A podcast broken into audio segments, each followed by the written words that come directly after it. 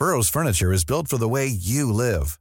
From ensuring easy assembly and disassembly to honoring highly requested new colors for their award-winning seating, they always have their customers in mind. Their modular seating is made out of durable materials to last and grow with you. And with Burrow, you always get fast, free shipping. Get up to 60% off during Burrow's Memorial Day sale at burrow.com slash ACAST. That's burrow.com slash ACAST. burrow.com slash ACAST. I'm Sandra, and I'm just the professional your small business was looking for. But you didn't hire me because you didn't use LinkedIn jobs. LinkedIn has professionals you can't find anywhere else, including those who aren't actively looking for a new job but might be open to the perfect role, like me. In a given month, over 70% of LinkedIn users don't visit other leading job sites. So if you're not looking on LinkedIn, you'll miss out on great candidates like Sandra. Start hiring professionals like a professional. Post your free job on linkedin.com/people slash people today. Hey, it's Ryan Reynolds, and I'm here with Keith, co star of my upcoming film, If, only in theaters, May 17th. Do you want to tell people the big news?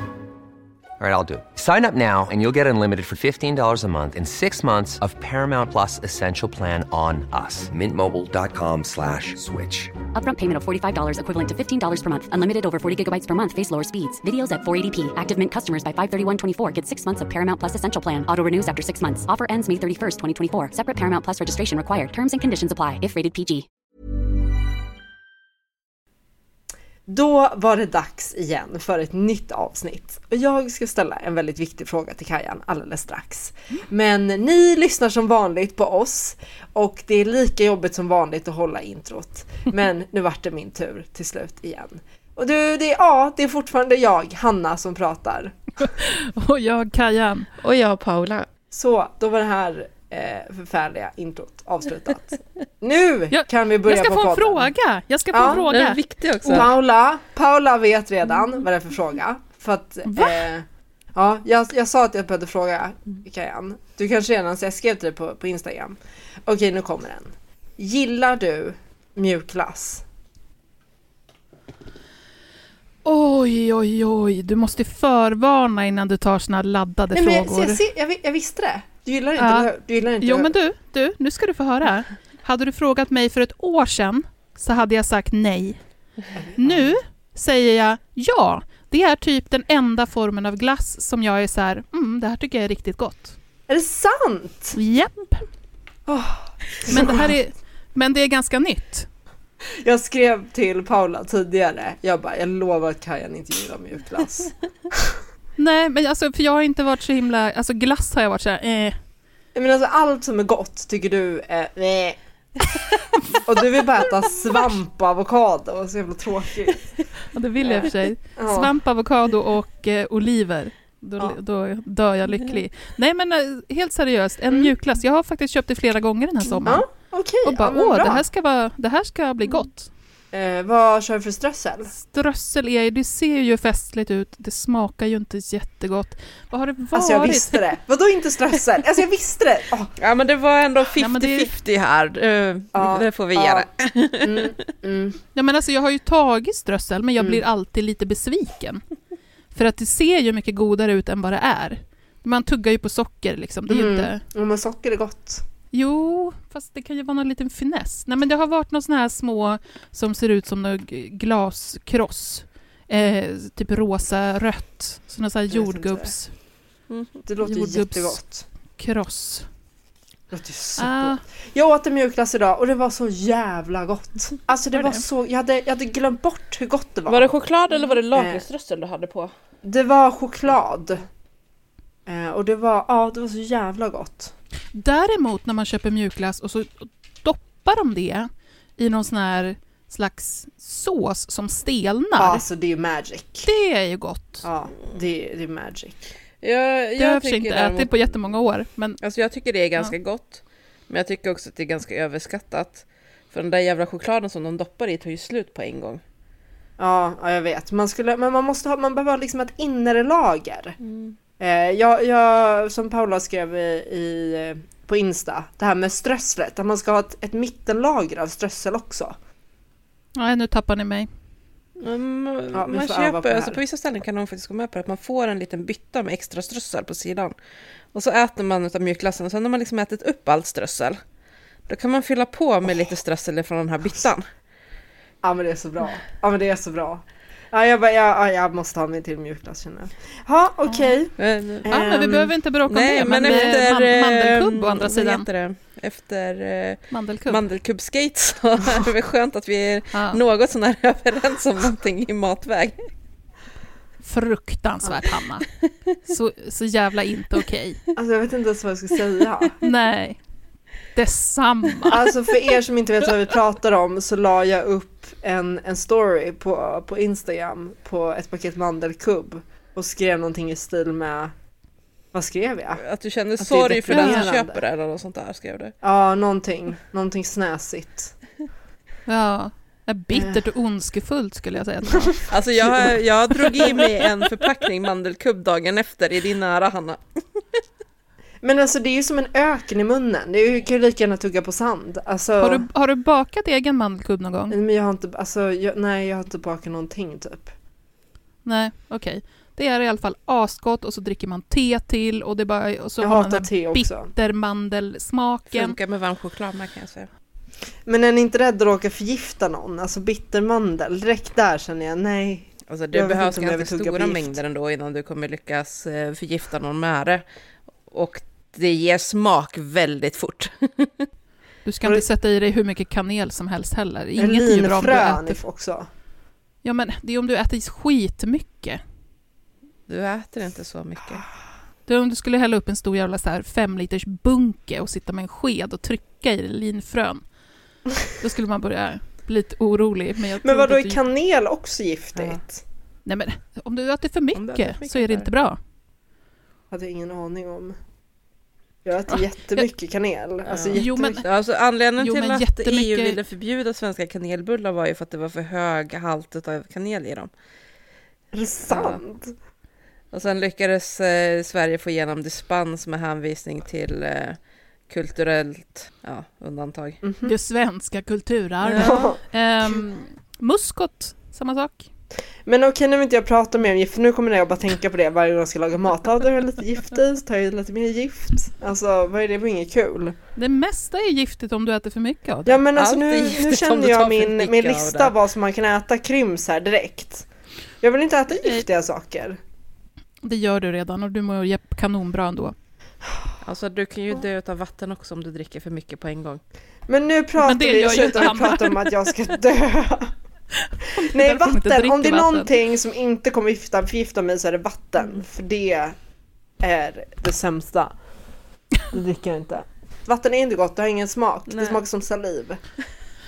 Va? Det smakar inte som saliv! Jo, Fy vad det- äcklig du är! Fy vad äcklig du Men är! det gör ju det, det har ju ingen smak, det smakar som saliv. Fast saliv har ju smak. Fast du känner ju inte, du känner, går inte runt och bara mm, det smakar saliv i min mun. Nej, Det inte sitt eget, men hånglar du med någon annan så känner du ju smaken Ja men av det saliv. gör, jag, det gör jag faktiskt inte för det är superäckligt. Du hånglar inte med någon annan. Nej. Inte Usch. så det blir blött. Nej usch, stängd mun, tack. Alltså jag hatar alla former av, nej, nej, nej men alltså vatten det är som, sin, som munnens egna saliv. Eh, ja. Mm. Det Ha, är så ska härligt med någon som vet precis vilka knappar man ska trycka på. Då har vi inspelningen igång. Så eh, ja, åklagaren kan väl börja ställa frågor. Det här är Nyans, feministisk true crime med Kajan, Hanna och Paula. Ja, alltså jag har ju börjat lära känna er lite grann. Eh, och jag finner en stor glädje i att irritera just dig Kajan. Jag vet det, jag vet det. Därav den här, den här eh, systerrelationen som vi Ja. har. Ja, men jag Ja. känner kanske bara att vi, vi kanske ska ta och lugna ner den lite grann. Det kanske blir väldigt mycket lilla syster nu. Nej. Blir det inte? Nej. Jag älskar när du håller på att Mm. retas. Jag retas tillbaka ganska duktigt också. Mm. Det går så Ja. bra. Jag ska tänka, till nästa gång ska jag tänka ut en fråga till dig, Hanna, som Ja, jag ska ja, ställa. men gör det. Mm. Gör, gör du det. Och idag så kommer vi att prata om det som har kallats och som vi också kommer kalla för Melvinfallet. Jag har läst en FUP och jag har också läst en dom från Ångermanlands tingsrätt. Eh, och det är faktiskt de enda källorna som jag har i det här fallet. De inblandade som vi kommer att prata om är ett eh, offer, Melvin Sonne. Vi har också tre personer som kommer vara de som åtalas. Eh, de kommer att få heta personalansvarig, behandlingschef och föreståndaren. Melvin Sonne, han har ett långvarigt substansmissbruk. Han har haft ganska mycket problem med återfall i det här missbruket. Och I februari 2021 så bor han på ett stödboende i Umeå. Men efter samtal mellan honom, det här stödboendet och socialtjänsten så kommer man överens om att Melvin ska flyttas till ett HVB-hem utanför Kramfors. Där ska han påbörja en behandling för att bli ren, helt enkelt. Eh, man planerar in att Melvin ska skrivas in på det här behandlingshemmet måndagen den 22 februari 2021.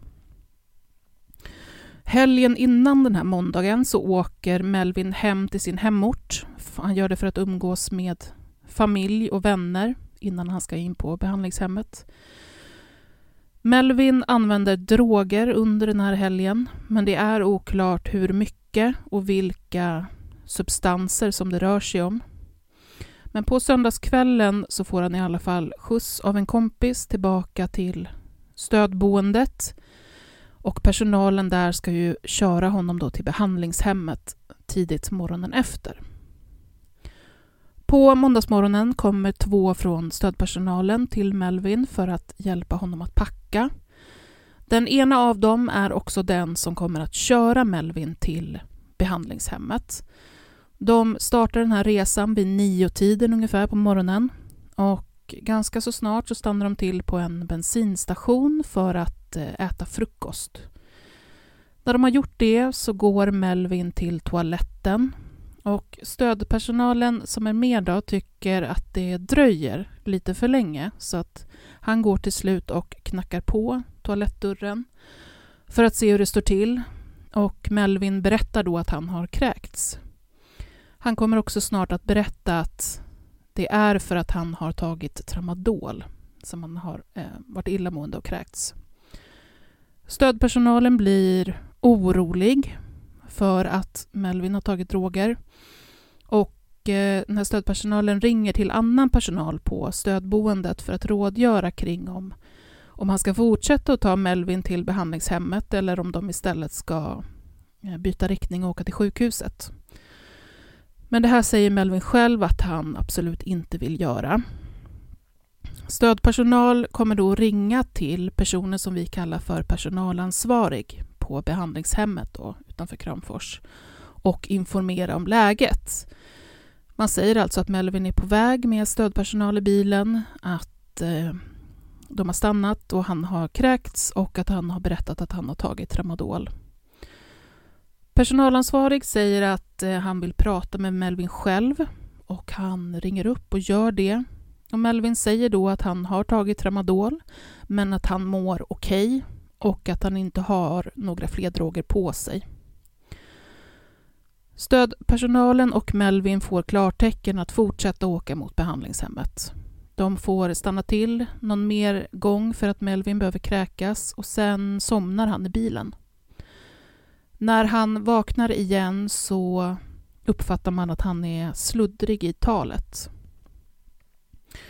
De kommer fram till behandlingshemmet vid lunchtid det är alltså måndagen den 22 februari och Melvin uppfattas som ordentligt påverkad när han kliver ur bilen. Jag ska gå igenom lite här om behandlingshemmet i fråga. Det är alltså ett HVB-hem för personer över 18 år som har ett kemiskt beroende. Man jobbar enligt eh, tolvstegsupplägg och förutom eh, ledningen som består av personalansvarig, behandlingschef och föreståndaren så finns där också behandlande personal, det finns kökspersonal, man har en jour, man har en avdelning som jobbar med ekonomi, några som jobbar med transport och så vidare. Och som på alla behandlingshem så finns det olika rutiner för hur man arbetar. På det här hemmet har man bland annat en rutin som kallas inskrivning av patient med extra behov, KIA.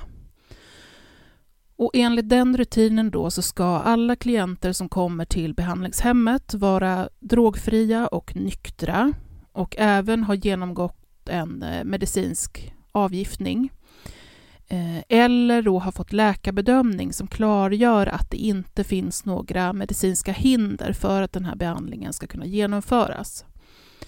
Och det här måste alltså ske innan det kan bli tal om en inskrivning för klienten. Men Klienter kan ändå skrivas in om de inte är fysiskt och eller psykiskt redo för behandling och även om det förekommer abstinens eller till och med då att klienten upplevs påverkad och kanske dessutom lämnar ett positivt drogtest.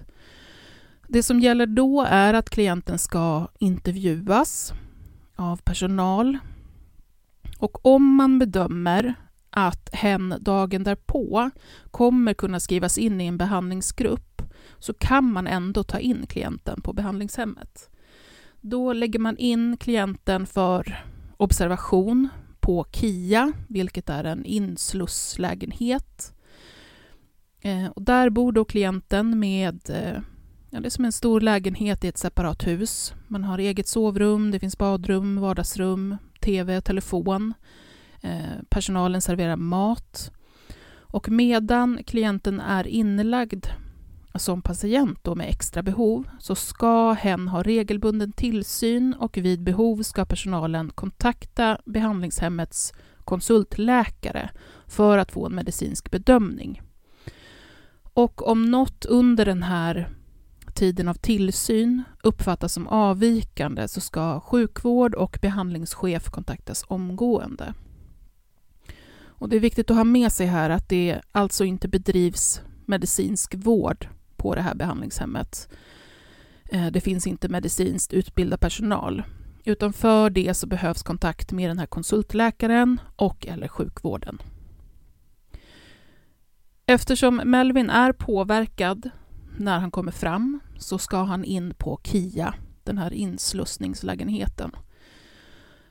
Man tycker att han uppträder är påverkat, eh, aggressivt. Han behöver ta stöd från eh, trappräcket för att kunna ta sig upp i huset, så han är ganska ostadig. En behandlingspersonal sätts på att ta emot Melvin, men när denna tar ifrån Melvin hans eh, telefon så vill Melvin inte längre vara kvar på hemmet. Man tar då kontakt med både personalansvarig och med socialtjänsten och till slut så kommer man överens med Melvin om att han ändå ska stanna i KIA-lägenheten till onsdagen. Och då kan man ta ett nytt möte och så ska man se hur man eh, ska gå vidare efter det. Personalen som tog emot Melvin lämnar honom i KIA-lägenheten vid kvart i två eh, på eftermiddagen och ber samtidigt två andra eh, ur behandlingspersonalen att ta urin slash utandningsprov på, Mel på Melvin och också kontrollera hans blodtryck. Man tar vid den här tidpunkten också kontakt med behandlingschefen eftersom det står klart att Melvin är påverkad och behandlingschefen kontaktar behandlingshemmets eh, konsultläkare. Och denne säger då att man ska ta puls på Melvin och så se över hans allmäntillstånd, vilket man eh, gör. När personalen som har tillsynen går av sitt pass och lämnar Melvin i lägenheten någon gång efter klockan 16 så sitter Melvin i soffan och sover. Kvällsjouren kommer in och tittar till honom vid 18.45 och även då så sitter eller halvligger Melvin i soffan och sover. Man hör att han snarkar. Jouren försöker då ruska Melvin i armen, men han eh, vaknar inte. Så man går därifrån, kommer tillbaka vid 23-tiden och gör ett nytt försök ehm, med att skaka på Melvin, som även då snarkar högt, men han vaknar inte. Och man går därifrån. Och vid 06, morgonen efter, så kommer man återigen in till Melvin som sitter på ett liknande sätt i soffan. Och inte heller då lyckas man väcka honom. Det här upprepas av personal vid 9.30 och även vid 12. Först senare på eftermiddagen eh, den 23 är vi alltså på nu, så kontaktar behandlingspersonal behandlingschefen som då säger att de måste se till att väcka Melvin och om det inte går så måste de ringa ambulans. Vid 15-tiden går man återigen upp till Melvin i soffan och man lägger då ner honom på sidan i soffan och när man gör det så märker man att hans andning förändras och man ringer ambulans. När ambulansen anländer och tar med Melvin in till sjukhuset så är han medvetslös. Man hittar även i hans ena strumpa eh, tramadol och eh, pregabalin. Melvin vaknar aldrig upp ur medvetslösheten och han förklaras död på sjukhuset. Dödsorsaken som rättsläkaren anger är Eh, syrebristorsakade organskador som i sin tur har orsakats av nedsatt andningsförmåga och dubbelsidig lunginflammation. Man bedömer att han har eh, aspirerat, det vill säga andats ner bland annat magsaft i lungorna och det här har skapat en, en kraftig inflammation i lungorna. Det här menar man då i grund och botten orsakades av förgiftning med i första hand eh, tramadol. Behandlingshemmet gör en lex anmälan till Inspektionen för vård och omsorg och även ambulanssjukvården kontaktar IVO i det här ärendet. I ett beslut den 1 november 2021 så konstaterar IVO att det finns brister i behandlingshemmets agerande och att de här bristerna bland annat ligger i att eh, verksamheten skrev in Melvin trots uppenbart påverkad och trots att personalen inte har den medicinska kompetens som krävs för en säker vård. Ehm, man tycker också att det är en brist att tillsynen i sig inte var tillräcklig och att personalen då omgående borde ha ordnat med en medicinsk bedömning när Melvin inte gick att väcka, alternativt eh, tillkallat ambulans. Och som jag inledde med då så är det alltså tre personer som kommer bli åtalade för det här. Eh, det är de tre personerna personalchefen, behandlingschefen och föreståndaren. Och man kan säga att de tillsammans utgör ledning för det här behandlingshemmet och också räknas ha ansvar för att verksamheten ska fungera eh, på lite olika sätt. Det här kommer Hanna eh, prata om förstås, rörande hur tingsrätten resonerar kring deras respektive ansvar och skyldigheter. Men jag ska ändå gå igenom vad de tre mm, säger sig veta om Melvins död och eh, liten genomgång av på vilka sätt som de eh, har varit inblandade i händelsen. Eh, alla tre förnekar nämligen brott och motsätter sig också betala skadestånd. Om vi börjar med eh, personalansvarig. Han har redan två veckor innan den här händelsen kontakt med socialtjänsten rörande Melvin när socialtjänsten hör av sig för att fråga om behandlingshemmet kan ta emot honom. En vecka innan den 22 februari så har personalansvarig ett förberedande telefonsamtal med Melvin.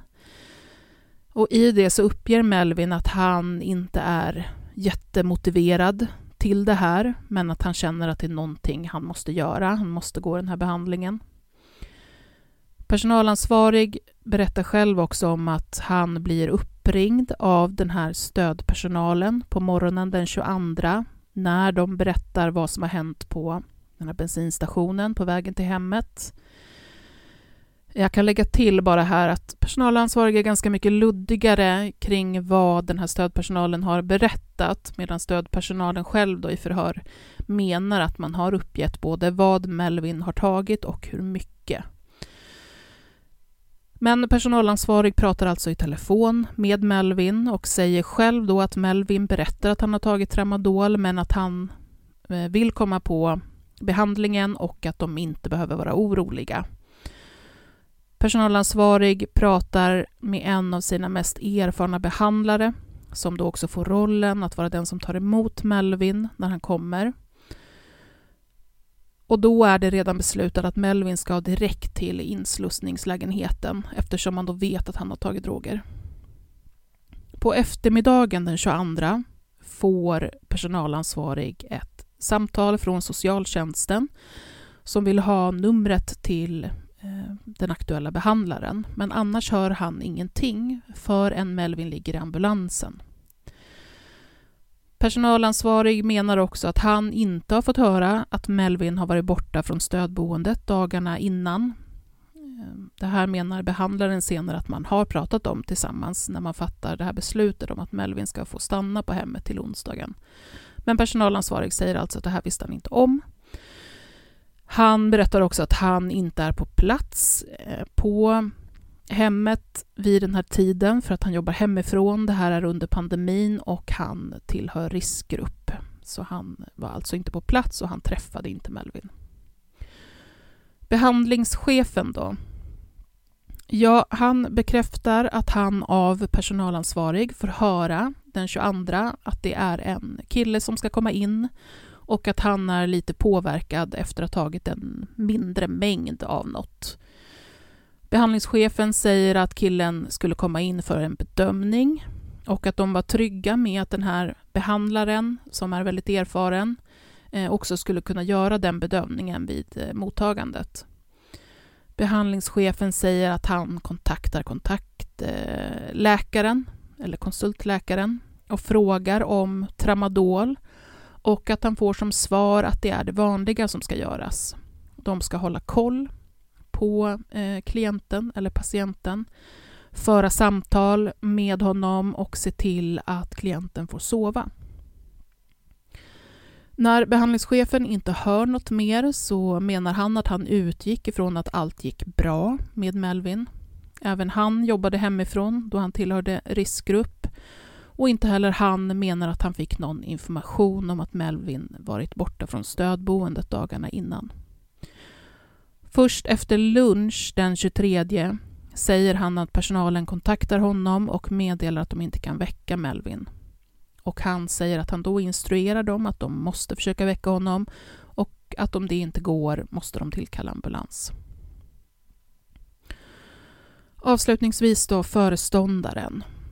Under hennes ansvar så låg att det fanns eh, rutiner, att personalen kände till de här rutinerna och sen hade hon också mer eh, administrativa sysslor. Det här är vad hon uppger själv. Hon visste att Melvin skulle komma till hemmet, men hon var inte själv med och tog emot honom. Hon menar att hon fick höra av personalansvarig att Melvin var trött och att, som hon säger i förhör, han uppenbarligen tagit någon drog på vägen. Det är först efteråt, menar hon, som hon fått insyn i att rutinerna inte följdes. Men hon själv fick inte veta något under tiden, utan först efter lunchtid den 23 fick även hon veta att Melvin sovit sedan dagen innan och att man inte lyckats väcka honom.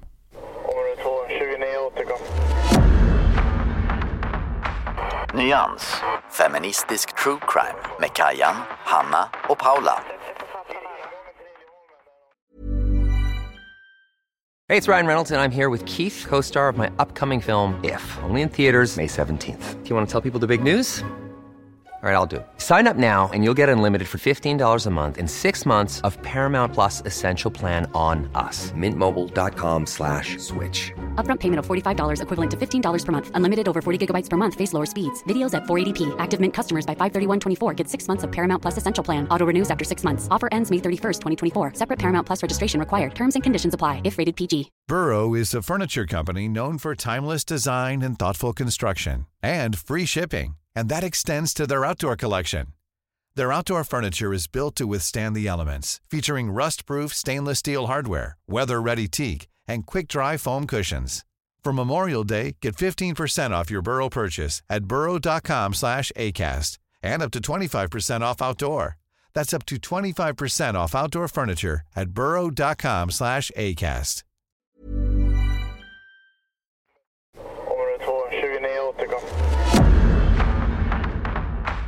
Nyans, feministisk true crime med Kajan, Hanna och Paula. Så, ja, nu ska vi gå igenom tingsrättens dom. Eh, och i tingsrätten så åtalas behandlingschefen, personalansvarige och föreståndare för brottet vållande till annans död. Och brottet vållande till annans död är när man dödar någon av oaktsamhet, det vill säga du har inte gjort det med uppsåt som vid mord, det har inte varit med flit, men det har inte heller varit en ren olyckshändelse. Om du inte hade varit oaktsam så hade det inte hänt med andra ord. Det är det som är idén.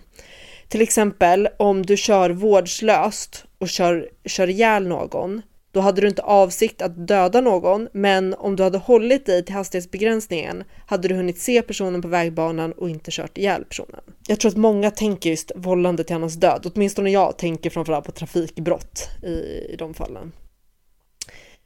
Alla tre förnekar brott, som Kajan redan varit inne på. Åklagaren har eh, väldigt mycket bevisning i det här fallet. Dels många vittnesförhör, bland annat med personalen på boendet och sen också mycket skriftlig bevisning. Av domen så framgår inte exakt vad den här skriftliga bevisningen består i, men tingsrätten skriver att det är mycket skriftlig bevisning. Ehm, och tingsrätten tar också upp det här IVO-beslutet som Kajan gick igenom.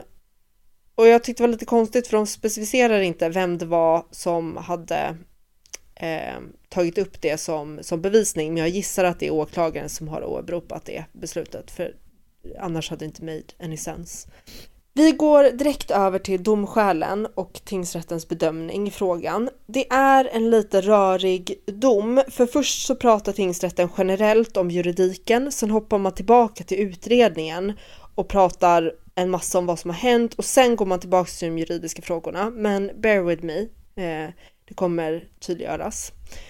Så först, tingsrätten menar att de tilltalade anklagas för så kallad underlåtenhet.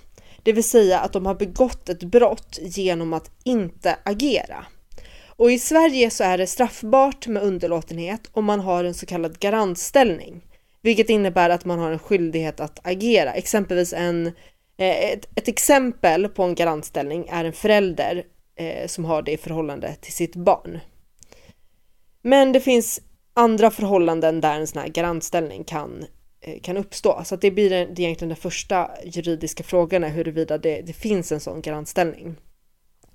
Och utöver att de tilltalade behöver ha en garantställning så behöver de ha agerat oaktsamt i relation till den dödliga utgången för att kunna bli dömda. Eller med andra ord, hade de inte varit oaktsamma så ska personen inte ha dött i fråga.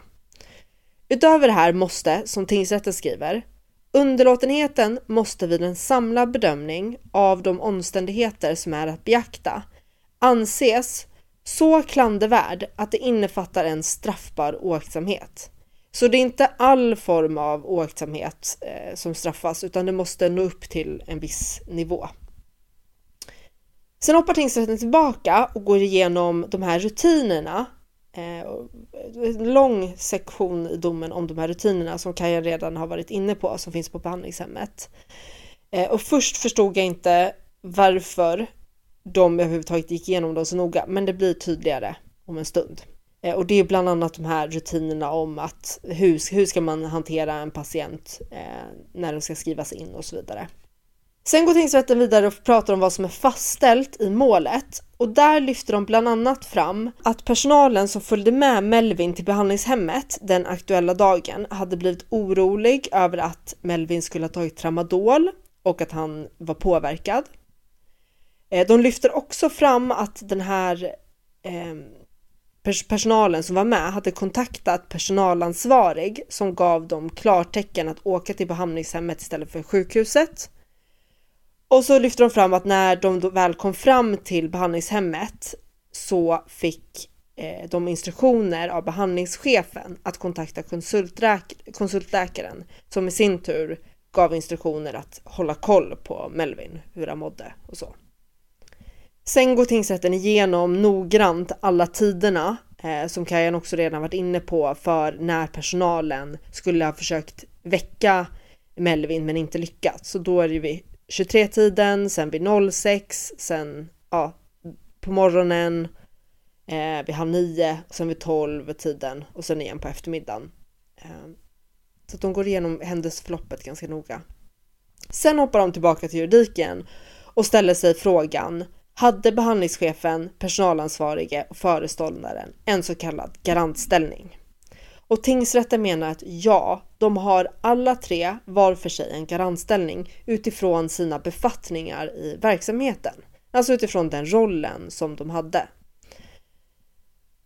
Och nästa fråga som tingsrätten behöver svara på är i så fall vilken information och kunskap var och en av dem hade om Melvins situation och huruvida de utifrån den kunskapen haft anledning att agera. Personalansvarig eh, och personalchefen hade, till skillnad från föreståndare menar tingsrätten, varit införstådda med att Melvin tagit tramadol och att han var påverkad när han kom till behandlingshemmet. Eftersom behandlingschefen hade också varit i kontakt med läkaren som sa att det vanliga skulle göras. Melvin skulle ju också ha sagt till personalansvarig att han i telefon då att han tagit sex tabletter tramadol. Föreståndaren var inte delaktig i mottagandet av Melvin och fick ingen information om situationen annat än när personalansvarig sa till henne att de misstänkte att han hade tagit något. Så här slår alltså tingsrätten fast att de personalansvarig och personal, eller behandlingschefen, de hade kunskap om situationen men inte föreståndaren. Sen så lyfte tingsrätten fram att eh, det här inte var ett så kallat avgiftning, alltså avgiftning ingick inte det här behandlingsprogrammet utan på det här behandlingshemmet så skulle man vara ren när man kom dit. Och sen hoppar vi tillbaka till de här rutinerna där personalansvarig eh, och behandlingschefen tingsrätten slår fast att de bröt mot sina egna rutiner när de skrev in Melvin trots att han var påverkad. Det är ju det är därför de gick igenom dem så noga. Sen är nästa fråga som tingsrätten ställer sig är huruvida någon av de tre borde ha agerat annorlunda och om de därmed varit oaktsamma. Och då skriver tingsrätten så här. Tingsrätten finner med hänsyn till den information som personalansvarig och behandlingschefen hade om Melvin att de borde ha vidtagit ytterligare åtgärder för att se till att han skulle få den tillsyn, medicinska bedömning och vård som han behövde, både när han togs emot och under vistelsen på behandlingshemmet. Tingsrätten finner att behandlingschefen och personalansvarige båda varit oaktsamma. Föreståndaren å andra sidan hade ingen information om vad som har hänt utöver det som jag tog upp och Eh, tingsrätten bedömer att hen inte varit oaktsam och därför inte kan dömas för något. Nu i sista steget ska tingsrätten pröva om den här underlåtenheten är det som har orsakat Melvins död och om de haft anledning att ta den risken, eh, alltså risken att inte agera, i beaktande. Och svaret blir ja på de båda frågorna. Det är underlåtenheten som har orsakat döden därför att eh, som läkarna i målet som man har som vittnen är överens om att desto snabbare Melvin skulle ha fått vård, desto bättre utgång skulle det ha blivit eller desto liksom, större chans hade han haft att överleva. Man tar också upp att han har legat i soffan i ett läge som gjort att han andats in maginnehåll, vilket då ska ha orsakat hans död.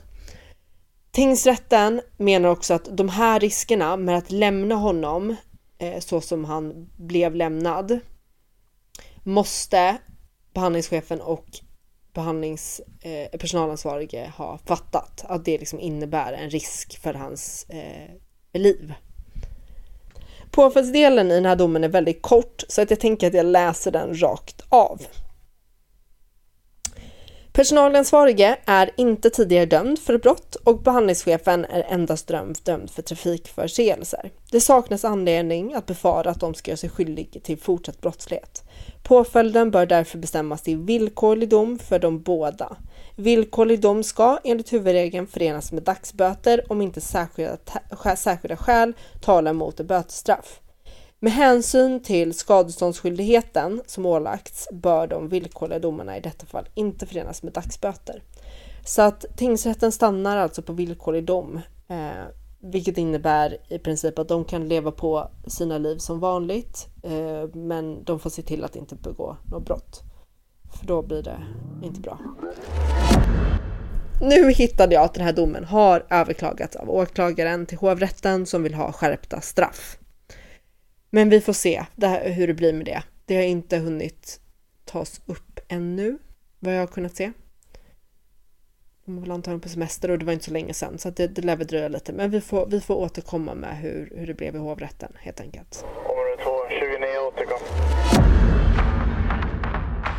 Nyans, feministisk true crime med Kajan, Hanna och Paula.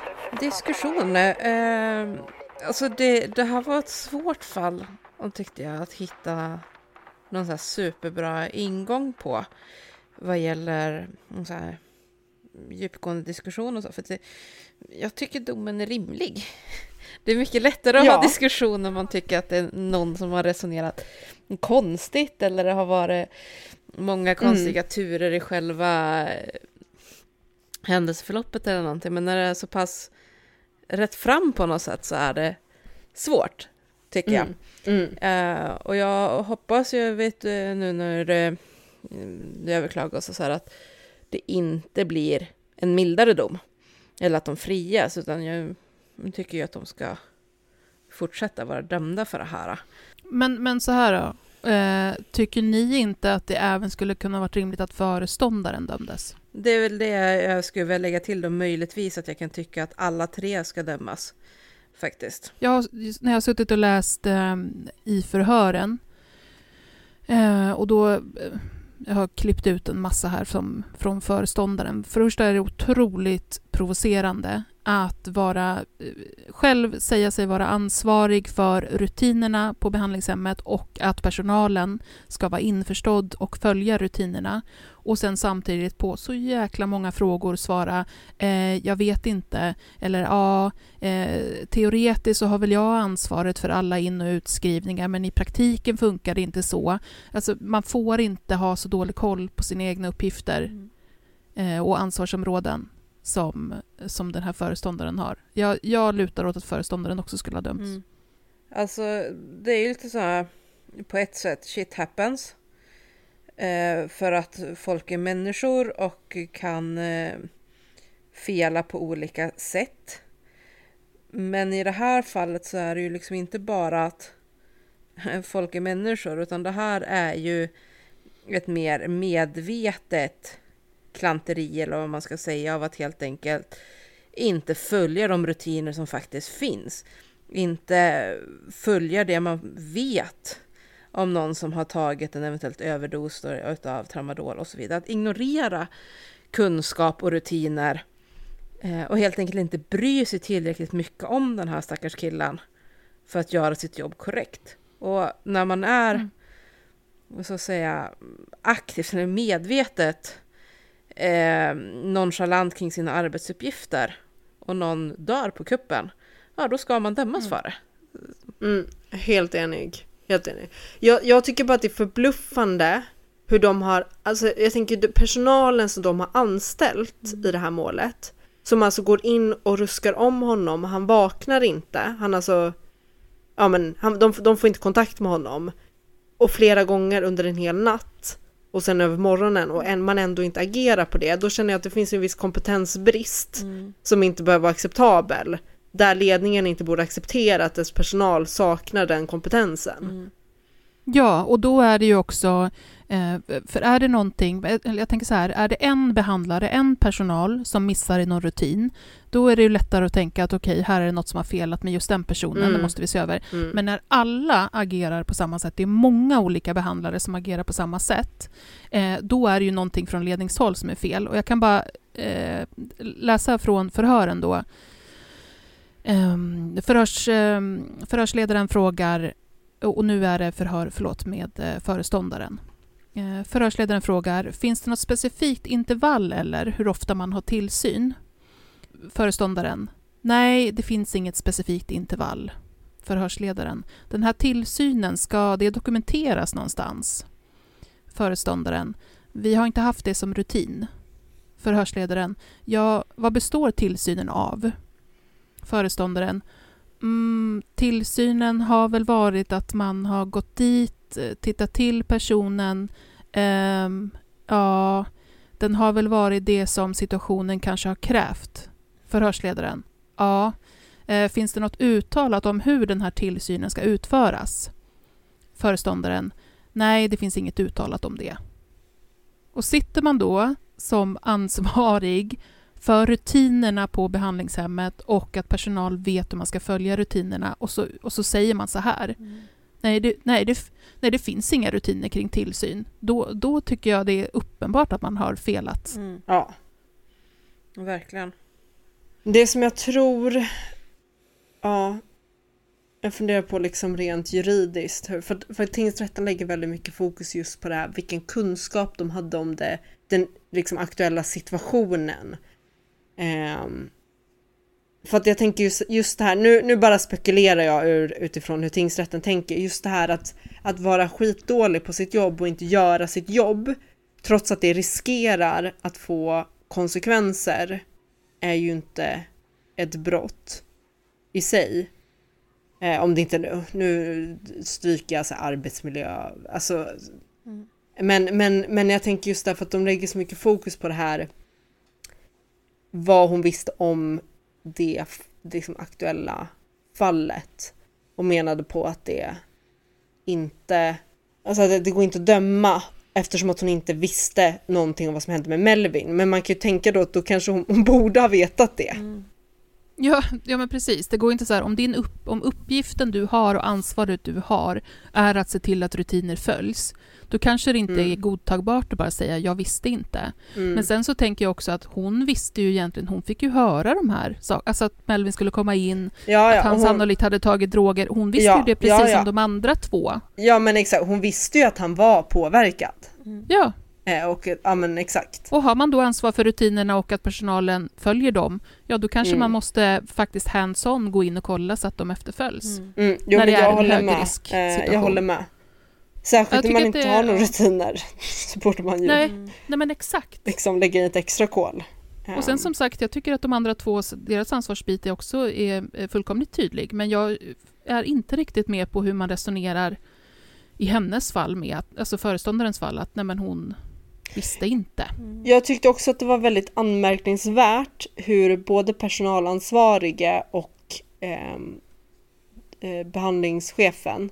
Var överens om att de skulle överlåta liksom, den medicinska bedömningen till en i personalen som har mycket erfarenhet men i, saknar all alltså, liksom medicinsk kompetens, inte läkare eller sjuksköterska eller något sånt där. Mm. Ehm, och att de bara lämpar över det på den, på den personalen att göra bedömningen av läget. Det här är ju återkommande i förhören också Ja. tycker jag, eh, från de här två. Det är, det är två män. Alltså, Mm. eh, och det har Jag vi tänker som typ sagt. Bert Karlsson, den, den bilden får jag framför mig. Ja, men det, det är två män och de är Framförallt den ena framhåller sig själv som en, en skön lirare som är bra på att prata och Mm. är ju så otroligt ödmjuk så att jag hoppar in och tar de här bitarna. Men eh, de förskjuter ansvar otroligt. Dels lägger de jättemycket ansvar på föreståndaren, pratar liksom om henne, men Mm. också precis som du säger på den här behandlaren. Eh, som de liksom, Stackars anställd som förväntas Ja. göra den jättesvår bedömningen och så har man gjort en felaktig bedömning, vilket jävla skit det måste kännas. och det är ju cheferna, det är Ja. ju den här behandlarens chefer som har satt behandlaren i den här positionen och Ja. sen sitter och lämpar över ansvar. Det är Ja, så... nej, det är förfärligt. Ja, det är förfärligt.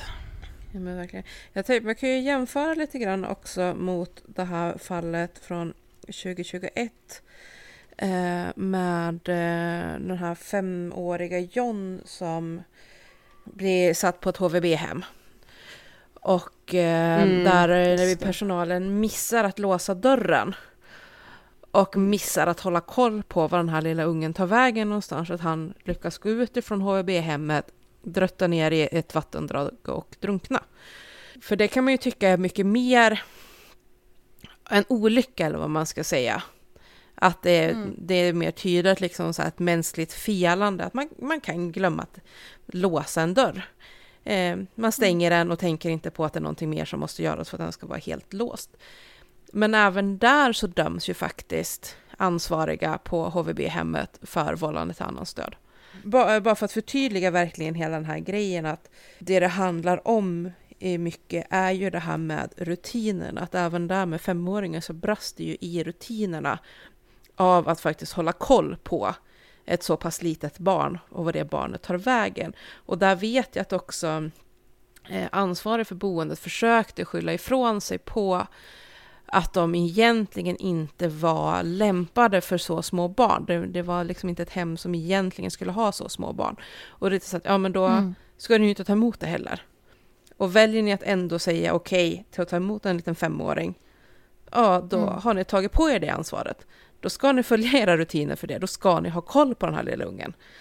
Precis, och den här, till och med när det är så uttalat i det här fallet när man faktiskt har eh, i förhören, vilket jag, gör att jag tycker att det blir konstigt från tingsrättens sida, eh, att föreståndaren, ja men ett annat stycke, förhörsledaren, ja, vem eller vilka personer på behandlingshemmet hade befogenhet att bedöma ifall en patient skulle tas emot när den var påverkad vid ankomsten. Mm. Föreståndaren, jag kan inte svara på det. Ja, men det är så, det, oh, ja, förhörsledaren, kan du inte svara på det eller vill du inte? Jag tänker du som föreståndare, bör inte du känna till det? Mm. Föreståndaren. Alltså det är inte så att jag inte vill svara på det. Jag tänker att teoretiskt så har väl jag ansvaret för alla in och utskrivningar på hemmet, men i praktiken så fungerar det inte så. Det är väl det jag kan säga. Mm. Nej men alltså man får inte, nej det får inte vara så här slappt. Alltså det får verkligen inte vara så här slappt, det är inte okej. Mm. Mm. Hur mycket tänker ni att det kan handla lite också om fel folk på fel plats? Alltså människor som kanske inte fullt ut har rätt syn på unga personer på glid just i den här slapphäntheten av att ja men skiter det sig så skiter det sig. Mm. För det är lite, alltså så utifrån... Jag, jag vet föres, föreståndaren är ju utbildad socionom, så jag menar det ska väl finnas där? Ja, fast jag tänker att inte alla socionomer är rimliga socionomer liksom. Nej, absolut. Eh, nej, för jag, det är ju lite den känslan jag får liksom av och, och det är inte så här nödvändigtvis att det handlar om någon form av elakhet eller vad man ska säga. Men, men jag tänker att det är lite samma fenomen som, ja, men som Tony jag har kritiserat Talita till exempel. Eh, och folk blir lite så här att ja fast de hjälper en utsatt grupp som ingen annan vill hjälpa och det är jättebra. Eh, jag tänker bara för lyssnaren, vad är Talita för någonting? Ja, Talita är en organisation som finns framförallt i Stockholm, sen har de en liten väldigt inaktiv filial i Göteborg också. Som mm. är alltså kristna frikyrkofundamentalister som har startat en organisation för att hjälpa eh, prostituerade ut i prostitution. Genom mm. bibelord och eh, andlig vägledning. Böner. Ja. Det låter effektivt. Ja. Men på något jävla vänster så har de liksom lyckats nästla sig in i Sveriges influencer topp och få till samarbete med socialtjänst och kommunen i Stockholm och även med Stockholmspolisen. Så att de har väldigt, väldigt gott anseende. Men folk verkar inte ha någon mm. aning om vad det är de egentligen sysslar med när de har fått kvinnor i sitt våld, höll jag på att säga, men ja. Mm. Eh, i sin, in i sin hjälpgrej. Och det är också så att man tycker liksom, jag har sett folk säga att ja, men de hjälper så många ut ur prostitution. Och man bara, men enligt Talitas egna rapporter så hjälper de som mest ungefär 30 kvinnor på ett år. Det är inte jättemånga. Mm. Um, men i alla fall, det, det, att det liksom är lite samma här kan jag tänka mig någonstans, att det är så ungdomar på glid. Uh, I det här fallet då någon som har fastnat rejält i ett missbruk. Och så blir det lite så här, den här nonchalansen av att jo men det är bättre att någon gör någonting än att det inte finns någonting ja. alls. Vi gör åtminstone någonting. Vi håller igång det här äh, boendet. Det går att komma hit och få hjälp. Så vi har gjort någonting. Um, och sen att det inte blir perfekt, eller i det här fallet att någon till och med dör, ja, det är väl lite whatever. För vi finns åtminstone. Mm. Alltså lite mm. den inställningen att när det blir de här som, som är någonstans längst ner i samhällshierarkin på många sätt, så ställer man inte högre krav än att det ska vara någonting nej, men, mer än ingenting. Nej.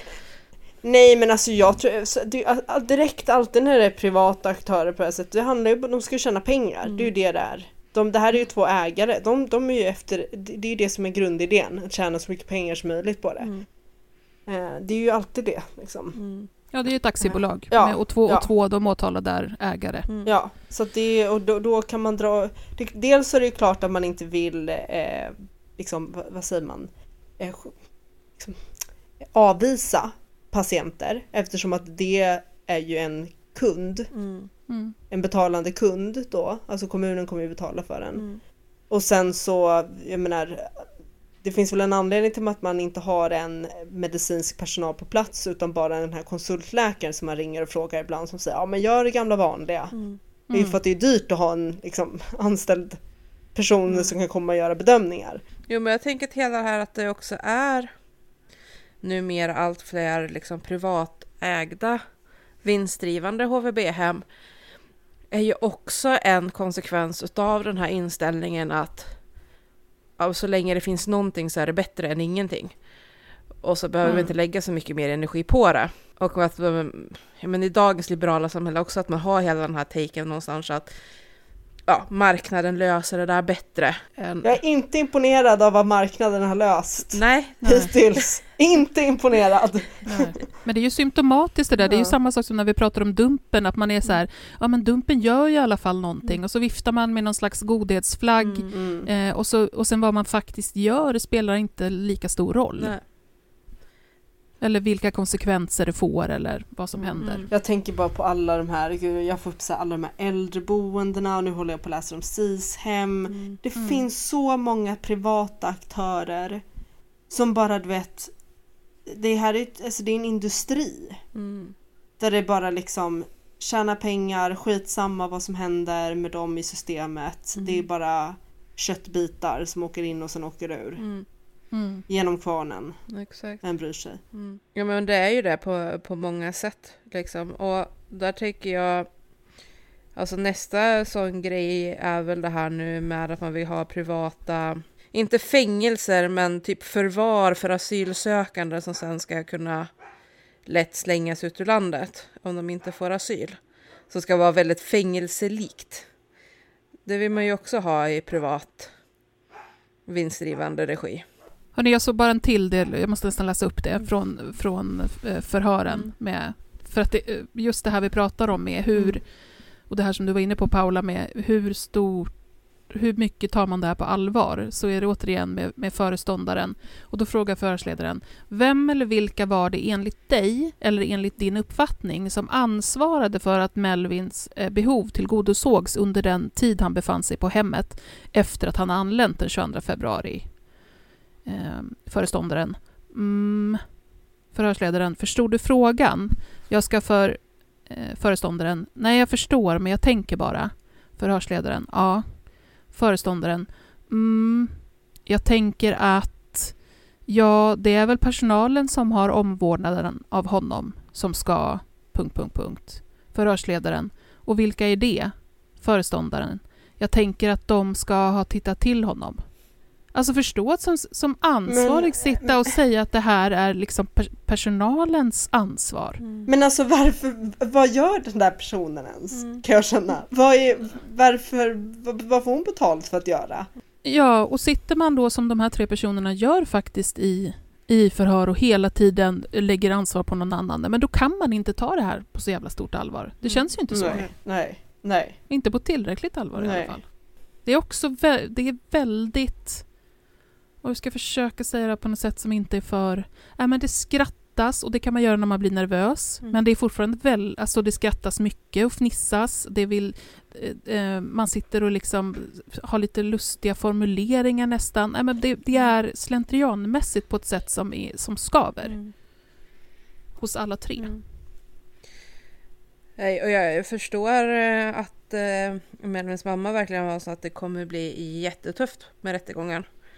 Och att hon antagligen kommer Mm. tycka att det är minst lika tufft nu då med överklagarna. Ja, att behöva gå igenom och höra liksom hur de faktiskt inte tar det fullt ut på allvar. Och bara sitter och skyller ifrån sig. Det är Mm. liksom ändå hennes barn som har, har dött. När han skickades någonstans där de hoppades på att han skulle få hjälp för att överleva. Det är till och med så att en av de här personerna i förhör uttrycker sig enligt mig otroligt olämpligt om eh, Melvins mamma. Mm. Alltså på ett sätt förhållande till hennes ansvar Mm. i den här situationen. Eh, och, som är eh, rakt av osmakligt. Mm. Men eh, det ska ju sägas också att det är Melvins eh, mamma och pappa som eh, polisanmälde. Mm. Så bra gjort att de Ja. gjorde det. Ja, Så verkligen. jävla bra. Verkligen. Det ska, inte få, det ska inte få vara så här. Nu gjorde vi ju aldrig det fallet för att det gick inte att få tag på handlingar. Men när vi pratar om det här med, med barnläkaren som åtalades men friades för att ha mördat en liten bebis på Astrid Lindgrens barnsjukhus. Där var det ju liksom mer föräldrarna polisanmälde men där man kunde se att det är föräldrar i sorg som bara måste få hitta en syndabock någonstans för att det är för svårt att hantera annars. Men där det faktiskt inte finns någon att skylla på. Men i det här fallet så är det ju liksom väldigt uppenbart att nej, i det här fallet så är det eh, föräldrar som har skäl att vara förbannade och har skäl Ja, att anmäla. Jag tänker även Donja eh, Ja, är ju också sådär föräldrar Mm. som, eller mamma framförallt då, som behöver en syndabock. Det är svårt att släppa. mm. Mm. Men där det inte finns någon syndabock. här, och här har vi ju IVO, Mm. eh, Mm. IVO-anmälan och besluten som är, talar sitt tydliga språk. Ja, Mm. ja. Område 2, 29 återkom. Nyans. Feministisk true crime med Kajan, Hanna och Paula. Snackis eller? ja. Ja. Eh, och då tänkte jag att vi ska prata ungdomsfängelser. Oh. Staten har ju gjort utredning i enlighet med Tidöavtalet. Där man eh, nu har undersökt då det här med ska Sverige ha någon form av ungdomsfängelse? Mm. Och i den här utredningen så utredaren kommer fram till att ja, det borde vi införa. För idag har vi ju, ja det är ju HVB-hem. Nej, jag säger SIS. Nej, Delar av SIS-hemmen är ju Mm. för kriminella som behöver den typen av vård. Eh, det finns också speciella, om jag inte misstar mig nu, rättspsykiatriska avdelningar också för ungdom, unga som behöver rättspsykiatrisk vård. Eh, men framförallt så brukar det ju liksom vara så långt det går när det är väldigt unga som döms för någonting så döms de ju till ungdomsvård. Inte sluten ungdomsvård utan just ungdomsvård. Eh, där fokuset är på insatser från socialen eh, samt eh, BUP. Liksom. Mm. Och nu eh, har man i utredningen då kommit fram till att man tycker att det, det måste finnas någonting mellan att eh, sitta på behandlingshem och vuxenfängelse. Och att det är mer fängelseliknande former utav ungdomsfängelse som finns för de som är mellan 18 och 20 inte räcker utan man ska ha ungdomsfängelse redan från 15. Alltså fuck, sån jävla... Ah, förlåt. Eh, och det här har ju fått eh, ganska kraftiga reaktioner. Bland annat då från Unga KRIS, det vill säga kriminellas revansch i samhället. Eh, men deras ungdoms, eller unga verksamhet, det vill säga då för yngre personer som har eh, blivit dömda för brott. Och sen även från barn, eh, kritik från Barnens rätt i samhället. Och jag läste också mm, från en eh, professor i kriminologi och kriminalhistoria som eh, bland annat uttalade sig om att, alltså att Sverige avvecklade ungdomsfängelserna helt 1979. Och det gjorde man av en faktisk orsak, nämligen att de inte fungerade. Eh, så att nu liksom börja babbla om att man ska införa det igen är ju mer bara, ja men det är ren populism. Det, jag menar de skiter ju fullständigt i vad som fungerar för hade de brytt sig om vad som fungerade så hade ju deras kriminalpolitik sett radikalt annorlunda ut. Men det är ju vad som låter bra, tuffare tag, ung, nu fängelse, ungdomar ska ha fängelse. Det låter bra i Mm. deras öron. Jag läste kommentar på SVTs Facebook-sida där de hade skrivit om den här, eller delat sin artikel om det här. Eh, och där det var väldigt mycket från folk från SD Svensson som satt och liksom och bara ja men det, det här är vad som behövs för att eh, köra saft och bullkalas med ungdomarna får de ju inte att sluta med, med brottslighet och så vidare. Alltså jag är så trött på Kan det de här. inte vara lite originella i Ja alla men fall? verkligen, kom på något eget. förutsägbara. Ja. Eh, och det, det jag tänker, alltså det som... Jag vet att du har varit inne på det Hanna, det här med att när man faktiskt säger till någon, eh, typ att nu är du en brottsling, Mm. så blir det en del av identiteten på ett helt annat sätt, vilket gör det svårare att komma ur. Speciellt då hos väldigt unga förövare. Och det tänker jag att det här är ju ett väldigt, väldigt effektivt sätt att låsa fast Mm. väldigt unga i, Verkligen. i det kriminella, liksom. speciellt om de redan har blivit indragna, groomade in i något gäng eller sådär. Att man då dessutom Ja. låser in dem på ett ungdomsfängelse och säger att här ska du sitta nu för du är brottsling. Ehm, Ja.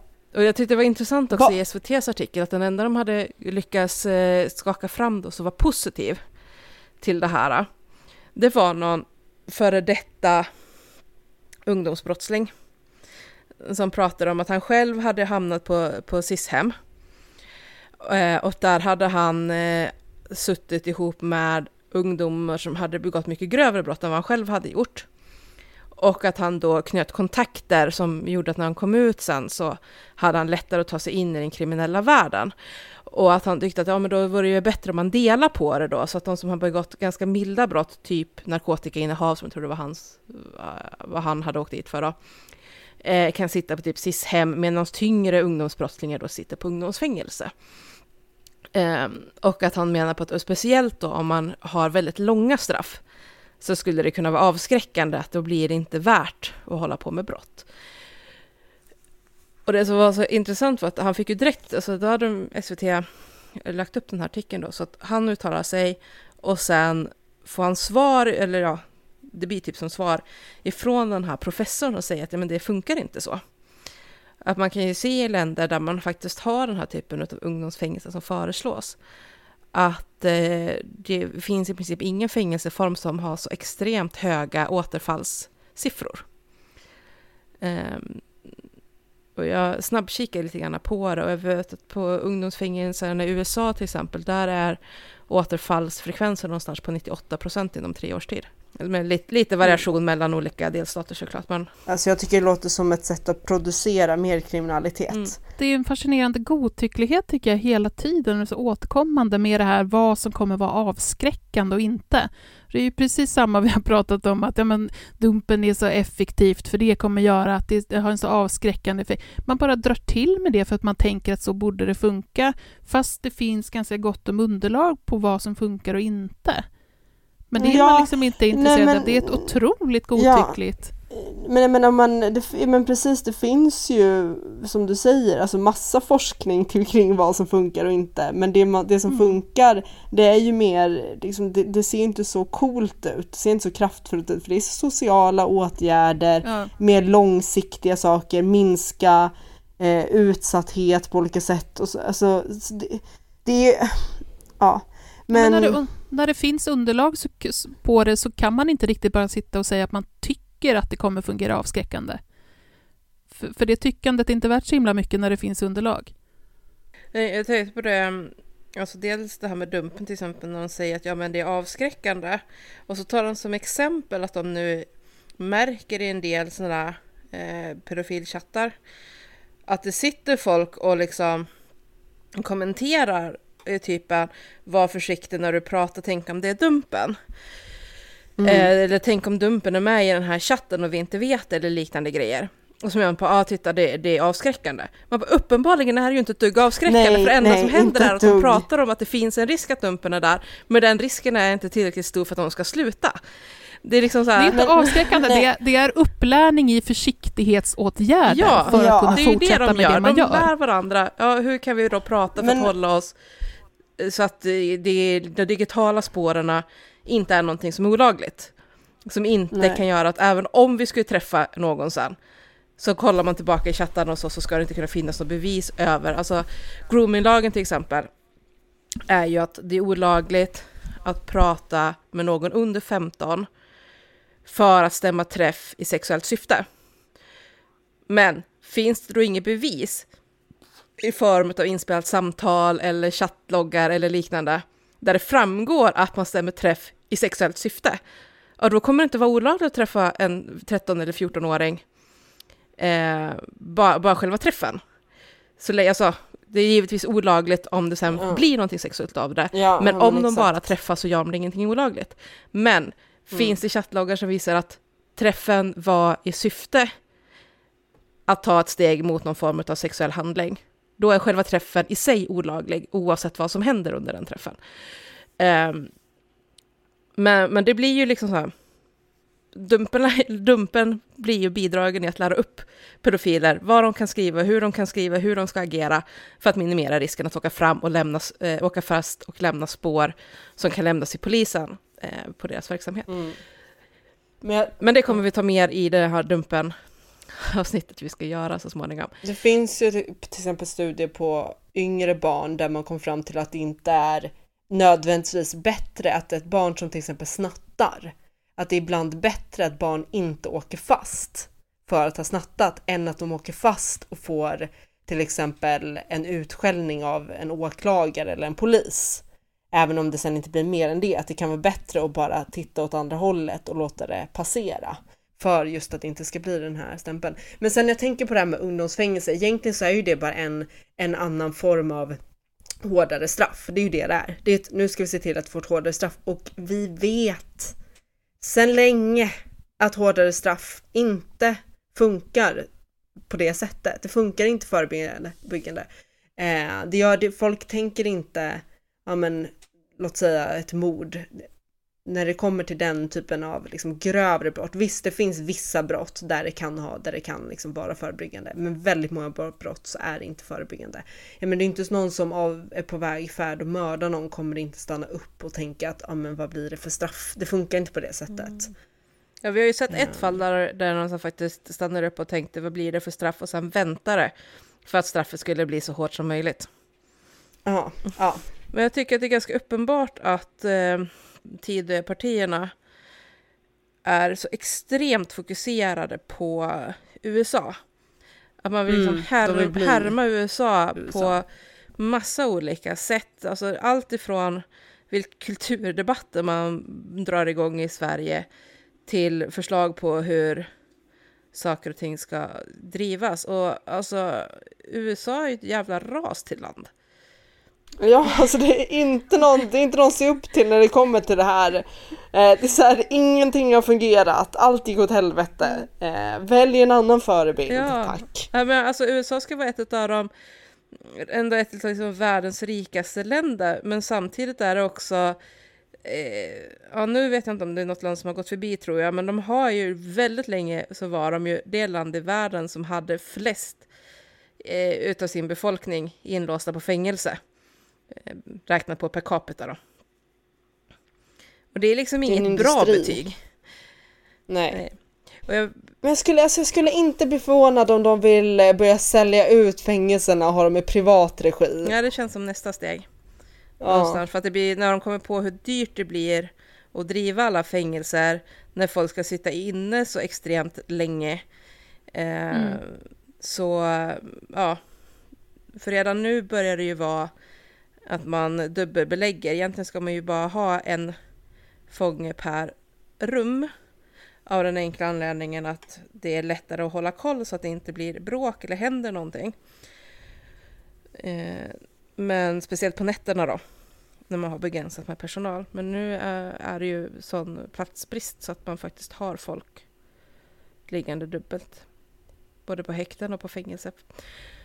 Och vi hade ju fallet som vi tog upp med han som... Eh, Eh, nej, det var någon snackis förresten. Som jag nämnde. Där, där det just var på grund av plast, platsbrist. Att han inte kunde komma och göra sin rättspsykiatriska utredning. Och han mördade sin mamma under tiden. Och så vidare. Det, det är liksom... Nej, samhället tjänar inte på att hålla på på det här sättet överhuvudtaget.